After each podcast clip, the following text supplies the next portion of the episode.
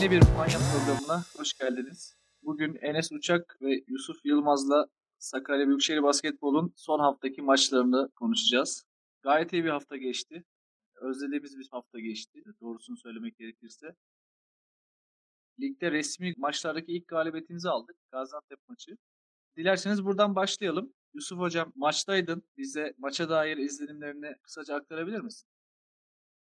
Abi öncelikle biz 2'de 0'la başladığımızdan sonra Gaziantep 2'de 2 ile başlamıştı. Gaziantep'i burada bizim yeneceğimize ihtimal veren çok yoktu açık söylemek gerekirse. Çünkü saha dışı problemler takımımızı ziyadesiyle yıpratmıştı.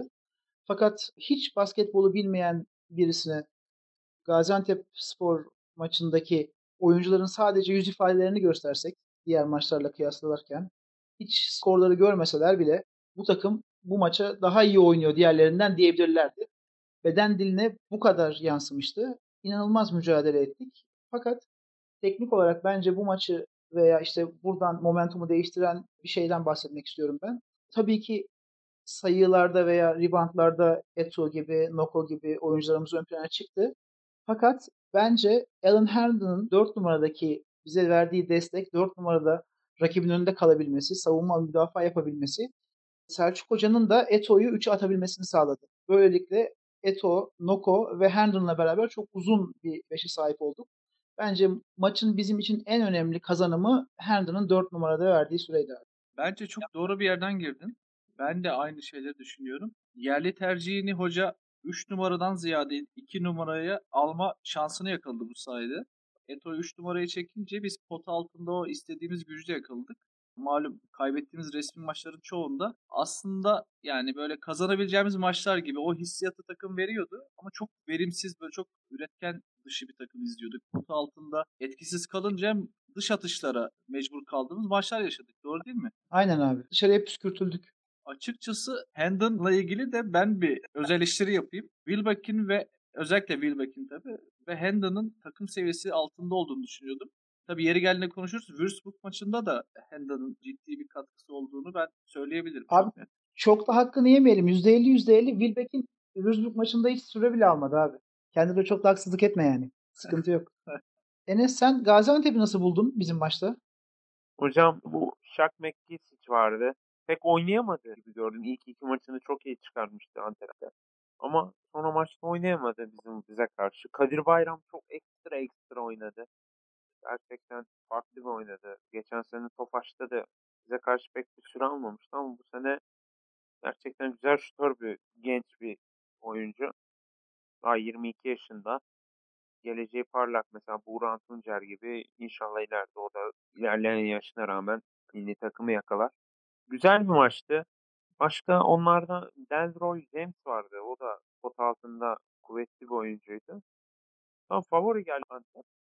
Bizim takımda son birkaç aydan beri yaşadığı sıkıntılardan dolayı favori değildi. Handikap Gaziantep gözüküyordu ama güzel bir ders verdi gibi düşünüyorum ben.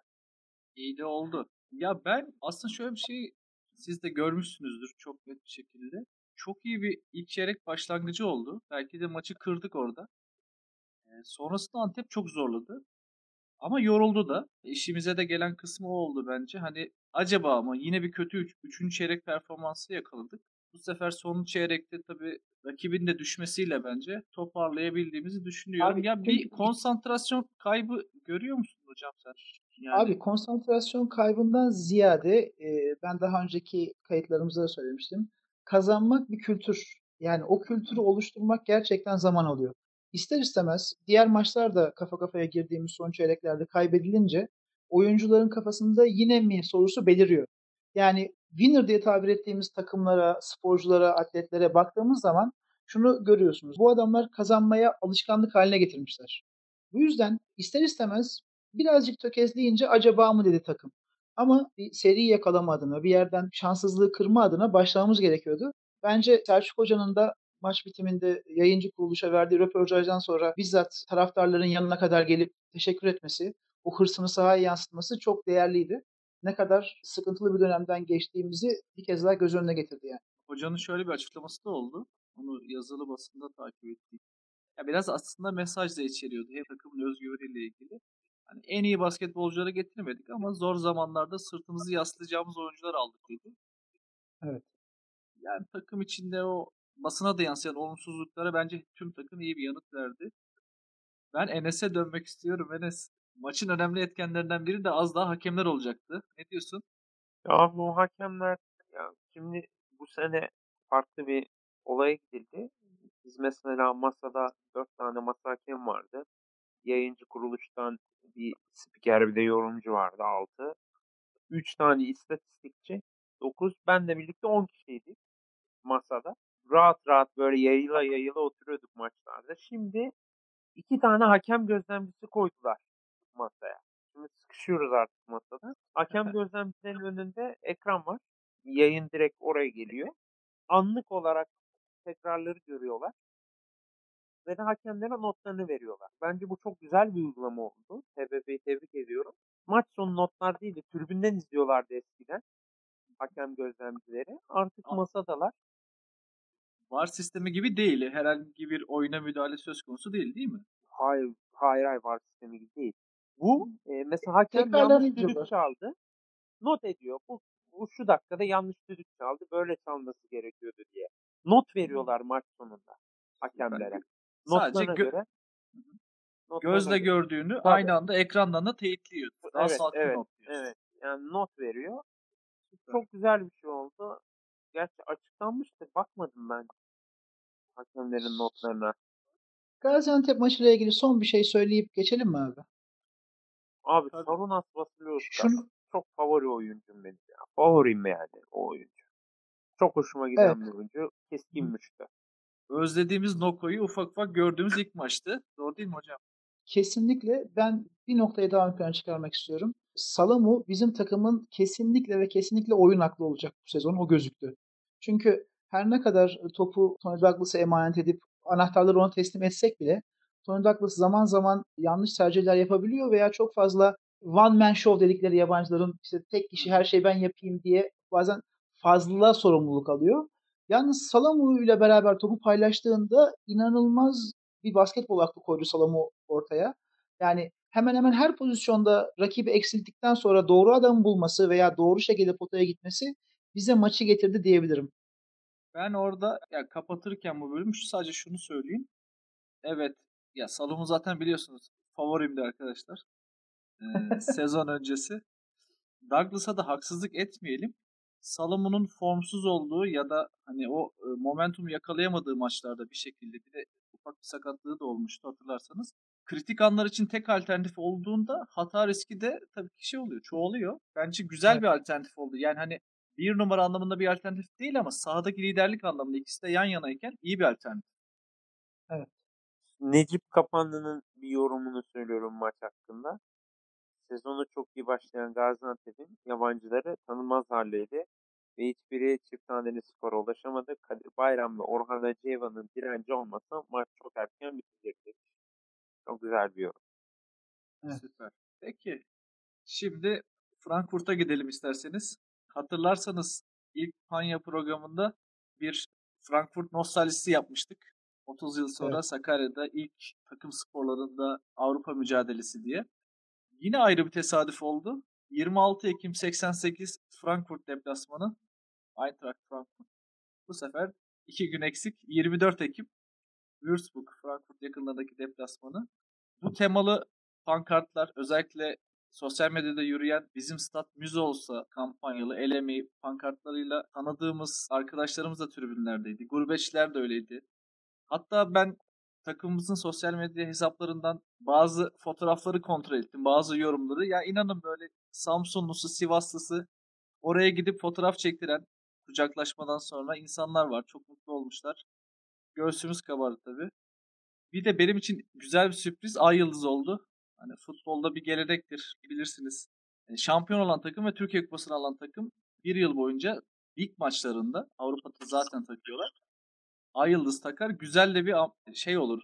Formada güzel bir detay olur. O da güzel bir sürpriz oldu benim için. Ben şöyle bağlayayım ve sözü bırakayım size. Hakikaten belki çok büyük etkisi olmadı ama bizim takımın o kazanma alışkanlığı ile ilgili spektaküler bir zafere dönüştü diyebilirim. İyi de bağladık. takım olarak değerlendirdiğimizde belki ikincilik için rakibimiz ama deplasman galibiyeti bizi Leiden'dan sonra grubun dominant ekiplerinden biri haline getirdi diyebilirim. Siz ne düşünüyorsunuz? Özellikle Yusuf Hocam sen bizim takımla ilgili neler söylersin? Abi özellikle ilk çeyrekte Eto'nun sakatlanmasından sonra hepimizin acaba mı dediği yerde takım gerçekten büyük bir karakter koydu ve maçı kazanmasını bildi. Çünkü Gaziantep maçında Eto çok faydalı işler yapmıştı. Hem reboundlara girmesi hem savunmadaki enerjisi. Fakat onsuz oynayacağımız maçta nasıl uzun rotasyonunu sürdüreceğimiz çok büyük soru işaretiydi benim gözümde. Fakat dediğim gibi Herndon bu takımda rolü olduğunu, neleri yaparsa sahada kalabileceğini çok iyi içselleştirmiş durumda. Tabii genç çocuklar bunlar. İlk programda dediğimiz gibi Avrupa basketboluna uyum süreçleri, profesyonel basketbola uyum süreçleri zaman alacak. Ama çabuk öğrenen birisi. Özellikle savunma kısmında işin destek verirse, takıma katkı verirse sahada dakikasının artacağını anlamış durumda.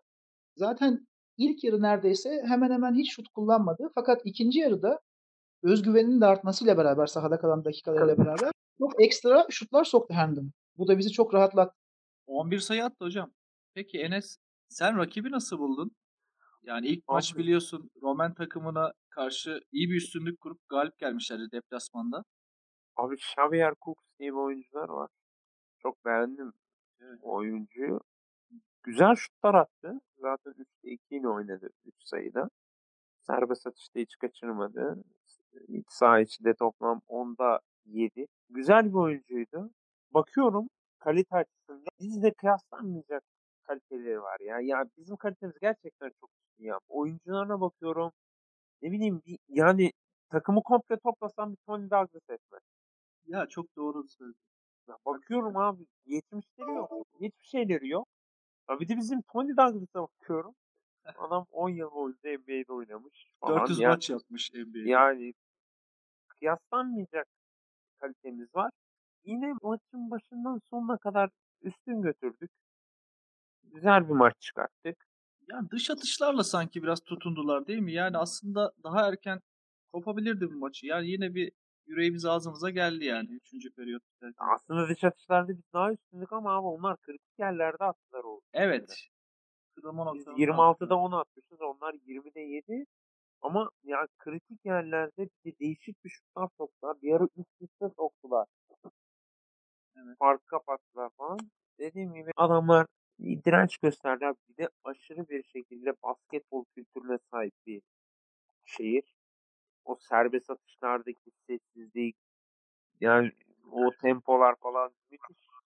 Şöyle diyebilir miyiz? Yani hatırlarsan grubu tanıtırken bir önceki programda e, Würzburg takımı ile ilgili çok net bir bilgimiz yok ama internet siteleri, mobil aplikasyonları çok organize bir pazarlama takımından bahsediyoruz demiştik. Güçlü de bir sponsorları var. O gün maçta olan arkadaşlardan da bilgi aldık. Fotoğraflar da geldi. İşte uçan zeplin şeklinde reklamlar. Evet, işte evet, katlanan evet. yelpaze şeklinde hem e, reklam hem de seyircilerin tempo tutması için muazzam ses çıkaran aparatlar. E, o açıdan tam bir basketbol kültürünü yansıtan takım gibi geldi. Çok hoşuma gitti. Tebrik ediyorum gerçekten. Güzel bir organizasyonuna sahipler. İnşallah yıllar boyunca böyle devam eder. Nesilden nesile. Duisburg. Bizim takımla ilgili ben şunları söylemek istiyorum. Ya bunları gerçekten sevinçle söyleyeyim. Çünkü çok bekledik bunları konuşmak için. Tony Douglas maça liderlik etti. Yine 20 sayıyı buldu. Bu arada hem lig hem Avrupa'da 5-6 asist, 4-5 asist şeyleri devam ediyor Douglas'ın. Noko yine 14 sayı, 11 rebound, double double yaptı. Salımı 14 sayı ortalamadan devam ediyor. Malum her maç 12, 14, 15 yapıyor. Hendon'ı konuştuk tabii ki. Bu maç için özellikle Eto'nun sakatlandığında iyi bir katkı yaptı. Ben Avrupa'da böyle devam edeceğimizi düşünüyorum. İstersen Efes maçına geçmeden önce kısaca grubu da konuşalım. Şu an A grubunda Leiden 2'de 2 ile 4 puan yaptı. Biz Würzburg galibiyetiyle puanımızı 3'e çıkardık. Würzburg 3'te. Yani çekişeceğimiz takım belli oldu. Yani düz Deplasmanda. Leiden'ı yenersek abi biz hesabımızı düzeltiyoruz yine. Evet ama ben hocam Leiden yani şöyle son 5 maçının 5'inde kazanmış Avrupa'da. Kazanarak geliyor. Ön hepsinde kazandı. E, yani hedefi ben Würzburg diye düşünüyorum. Burada Würzburg'u yenelim. Roman takımında ben yenebileceğimizi düşünüyorum açıkçası. Bu arada yine haftanın 5'inde dikkat ettiyseniz De Jong diye oyuncuları vardı ya Leiden'da. Evet ya ama çok Evet, iyi oyuncuydu. Kapı forvetleri. Çok iyiydi ya. Ya Roman Hı. takımında da Richards diye bir oyuncuları var. Yani 25 sayı atmış ama da takımın geneli Yok. tek sayıda Ya. kalmış. Rumen takımı bu e, grubun abi zayıf halkası. Yani e, onun Yani. herhangi bir galibiyet alabileceğini ben zannetmiyorum ama ben yine de eğer momentumumuzu koruyabilirsek ve rotasyonumuzu düzgün işletebilirsek kağıt üzerinde de form olarak da Leiden'la deplasmanda yenebileceğimizi düşünüyorum. İnşallah yeneriz. Evet bu hafta büyük bir maç var. Efes Pilsen çok moralli ve e, bunu konuşmuştuk ligi değerlendirdiğimizde. İyi bir yatırım yaptılar. Belki Fenerbahçe'nin son 5 yıldaki başarıları, ligdeki dominantlığı biraz özendirdi. İyi de oldu. İyi bir yatırım yaptılar. Ya belki de Fenerbahçe biraz çıtayı düşürdü bilmiyorum. Yani sizden de yorum alabilirim ama Yok, Efes Pilsen 10 yılların en iyi başlangıcını yaptı diyebiliriz. Hem ligde hem Cumhurbaşkanlığında hem Euroleague'de iyi bir üstünlük kurdular. Ya mesela Banvit maçı beni şaşırttı yani Kimki deplasmanı. Gerçi oradan morali döndüler ama yine hiç hiç zorlayamadı Banvit şeyi. Efes Pilsen'i. Yusuf hocam güzel bir maç olacak İstanbul'da. Ne diyorsun? Seyircili tabii inşallah maça da gireceğiz. Yani şöyle diyeyim Efes uzun uzun zamandır ciddi yatırımlar yapıyor ama bence ilk defa bu sene kadro mühendisliğinde iyi iş çıkardı diyebiliriz. Çünkü geçen senelerde de ciddi paralar vererek oyuncularla ciddi kontratlar vermişti ama bu sene yani Cumhurbaşkanlığı Kupası ile birlikte masaya yumruğu vurdu diyebiliriz Anadolu Efes için. Hocam orada bir virgül koyabilir misin? Burada Enes'ten kısa bir yorum almak istiyorum ben. Ya Enes yani bu- hani bizde de Selçuk Hoca faktörü var. Ya Ergin Ataman değil mi ya bu değişikliği yapan? Yani kültür Abi- aynı kültür, yatırım aynı yatırım ama biri geliyor işte 6 ay bir toparlıyor sonra kendi takımını kurup böyle bir şey ortaya çıkarıyor. Rekabetçi. Yani karşıdaki Obradoviç de olsa altta kalmıyor. Ne diyorsun? Türkiye'de kupa kazanan, Türk antrenör olarak en fazla kupa kazanan kişi Ergin Ataman. Kariyeri tartışılacak bir adam değil. Gerçekten iyi bir hoca. Faktörü var yani abi. Ağırlığını koyuyor. Bu ge- Son, son zamanlarda yaz- diyelim abi. En çok en çok kupa kazanan son zamanlarda diyelim de yani Tabii ki Aydın sonra. etkileri şey olmasın yani. Adam Euro Cup'ı kaldırdı abi. E, Geçen sezon yazındı galiba. Yok. Ondan Efes'e gelmeden önce NBA bir macerası yaşadı. 3-4 takıma gitti. Orada asistan koçluk falan yaptı. Beşiktaş'ta Euro Challenge yaptı. E, tamam yani sürekli kendini geliştiren bir koç. Bir abim vardı ona sormuştum geçen sene takımda. Çok hocayla takımlarda oynadın dedim. Hangi hoca senin için en iyisiydi dedim. Ergin Ataman'ı söylüyordu. Oktay Mahmudi ile de çalışan bir kişi ama Ergin Ataman faktörü üstün abi ya. Ya bir de Obradoviç'te hafif bir çekişmeleri var onların. Yıllardan beri devam ediyor. Galatasaray zamanında da vardı. Bayağı bir ateşliydi o zaman. İki kulüp tabii birbiriyle biraz sıkıntılı. Çok ateşli çatışmaları oluyordu diyeyim ya. Hoca besleniyor sanki o işten. Ben öyle düşünüyorum. Taraftardan besleniyor Motivasyon olarak evet. Yusuf hocam yani benim yani Efes bir sene dair bu yılki en azından Yusuf abi. Abi insanın anıları kolay kolay silinmiyor ama Anadolu Efes oldu artık abi takımın adı. Onu şey yapalım da. yani Anadolu Efes diyelim tamam. Tamam, Evet. Efes sonu Tabii yani o, o isimle ya. o isimle Türk basketboluna damga vurdu. O yüzden pek dilimiz Evet. pelesenk olmuş ama gene de biz Anadolu Efes diyelim. İşte bize basketbolu sevdiren maçtır. Yani Aynen öyle. 92 ya da 93 yılı hatırlamıyorum. Ee, Aris final maçı Roma'da. Hem kupayı verip hem sopa yemiştik Yun- Yunanlılardan. ben şöyle bir e, pas atayım o zaman. Ya benim Evet. gördüğüm kadarıyla bu yıl hani pota altından çok ciddi bir yüzdeyle oynuyorlar. Ve hani özellikle yabancı anlamda da kısa rotasyonları çok iyi. Senin yorumun ne bu konuda? Yani bizi ne, ne konuda zorlayacaklar? Abi şu anda Anadolu Efes takımı değil Türkiye'de e, Avrupa'daki belki en önemli 3 kısa rotasyonuna sahip takımdan biri diyebiliriz. Çünkü Vasilya Micic inanılmaz formda. Yani müthiş bir performansla başladı sezona. Hem şimdiye kadar zaten hem savunmadaki direncini hem takım organizasyonuna katkısını çok net görmüştük oynadığı takımlarda ama bu sene bir de atmaya da başladı. Artık inanılmaz sayı katkısı da veriyor. E böyle olunca savunulması iki kat daha zor bir oyuncu haline geldi. Zor anlarda sorumluluk almaktan kaçmıyor. Topa yön vermekten zaten keyif alıyor. Ama bunun yanına bir de Fransız gardları Rodrigue Boboa'nın müthiş tempolu ve atarak başlaması inanılmaz katkı vermesini sağladı takıma ve müthiş bir hava verdi. E, bunların yanına bir de Avrupa'daki transfer piyasasının belki de bir ya da iki numaralı transferi Shane Larkin'i koyunca e, ister istemez heyecanlanıyor evet. insan. E tabi zaten Dunstan gibi hem savunmada hem hücumda sizi de neyi vereceğini az çok tahmin ettiğiniz bir uzunluğu var. E, Türk oyunculardan gayet iyi transferler yaptı. Burhan benim gerçekten e, çok özel ilgiyle takip ettiğim bir oyuncu. E, bizden geçen sene Mete Can'ı aldı. Sertaş var. Yani bunların hepsini bir araya getirince zaten bu seneyle ilgili soru işareti rotasyonu nasıl kuracağı şeklindeydi. Yani çünkü Avrupa maçları olacak, Türkiye'ye gelecek, Türkiye Ligi oynayacak vesaire. Çünkü biliyoruz Ergin Ataman dar kadroyla oynamayı seven yani 7-8 kişiyle Galatasaray'da da böyle kupa kazandı, Beşiktaş'ta da böyle kupa kazandı. Fakat bu sene bu kadroyu çok iyi idare ediyor ve e, konsantre olduğunda yani sadece saha içine konsantre olduğunda gerçekten çok top class bir hoca Ergin Hoca. Abi Efes'e bakıyoruz.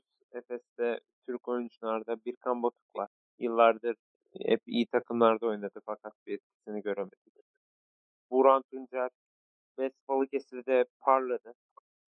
Eskişehir Basket'te devam etti. Anadolu Efes'e geldi. Milli takıma yükseldi. Tebrik ediyorum. Alt geldi kendisi. Doğuş Balbay kaptan söylemeye gerek yok. İyi bir oyuncu. James Anderson başka da izliyorduk abi. Çok iyi bir oyuncuydu. Çok beğeniyordum. 2-3 numara harika oynuyordu. Metecan Birsen kardeşimiz geçen sene bizdeydi. Sakatlıktan sonra biraz böyle bir toparlanma süreci uzun sürdü ama e, burada da tek 4 maça çıkmış. Fazla da süre bulamamış. Abi Sertaç Şanlı ya bu adam basketbola yakışmıyor ya. Ya bir insanda böyle bir basketbol tutu olur. Ya ne bileyim bir de büyütüyorlar abi. Bak bazı oyunculara bu yorumcular, gazeteciler büyütüyorlar abi. Yani bu Sertaç Şanlı'nın highlightlarını falan izleyelim. Ya büyütülecek bir basketbolcu değil. Bu adamı bu gazeteciler falan bu Anadolu Efes'te oynamasını sağladı. Beşiktaş'ta oynamasını sağladı. Milli takımda oynamasını sağladı abi. Yani adam bir kısa mesafeli midrange şutu var diye adamı hep büyütüyorlar ya. Gerçekten hiçbir şey yok abi. Ne savunması var. Bir kere bir pivot olan adam böyle biraz kalıplı olur. Semih Erden tarzında bir, Oğuz Savaş tarzında bir adam olur. Ama adam zayıf. Postür sıkıntısı da var sanki değil mi? Abi Duruş, bir vuruyorlar yıkılıyor adam. Ya pivot adam yıkılır mı ya? Duruş da çok düzgün değil gibi. Ya değil de, abi.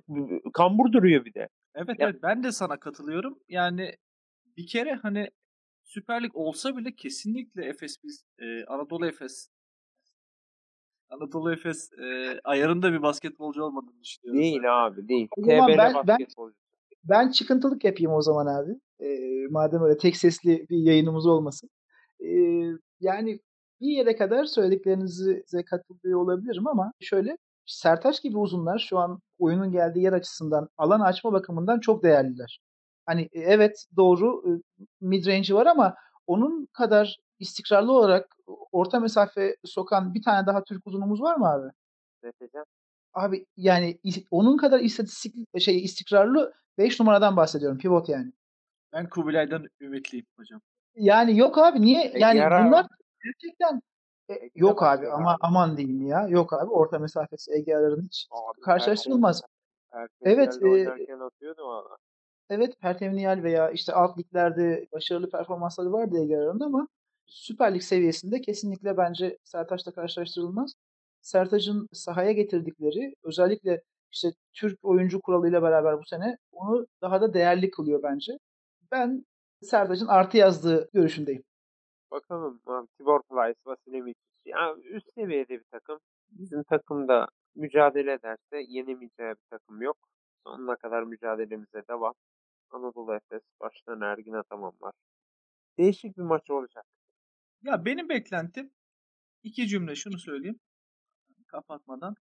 Geçen yılki gibi yani geriye düşse de yakalayan, kaybetse de bize deplasmanda İstanbul'da keyif veren bir oyun olmasını ben istiyorum. Bir de takımın resmi maçları kaybettiği günlerde o konsantrasyonun bozulduğu günlerde biliyorsunuz yerli rotasyonumuz bizi ayakta tutmuştu.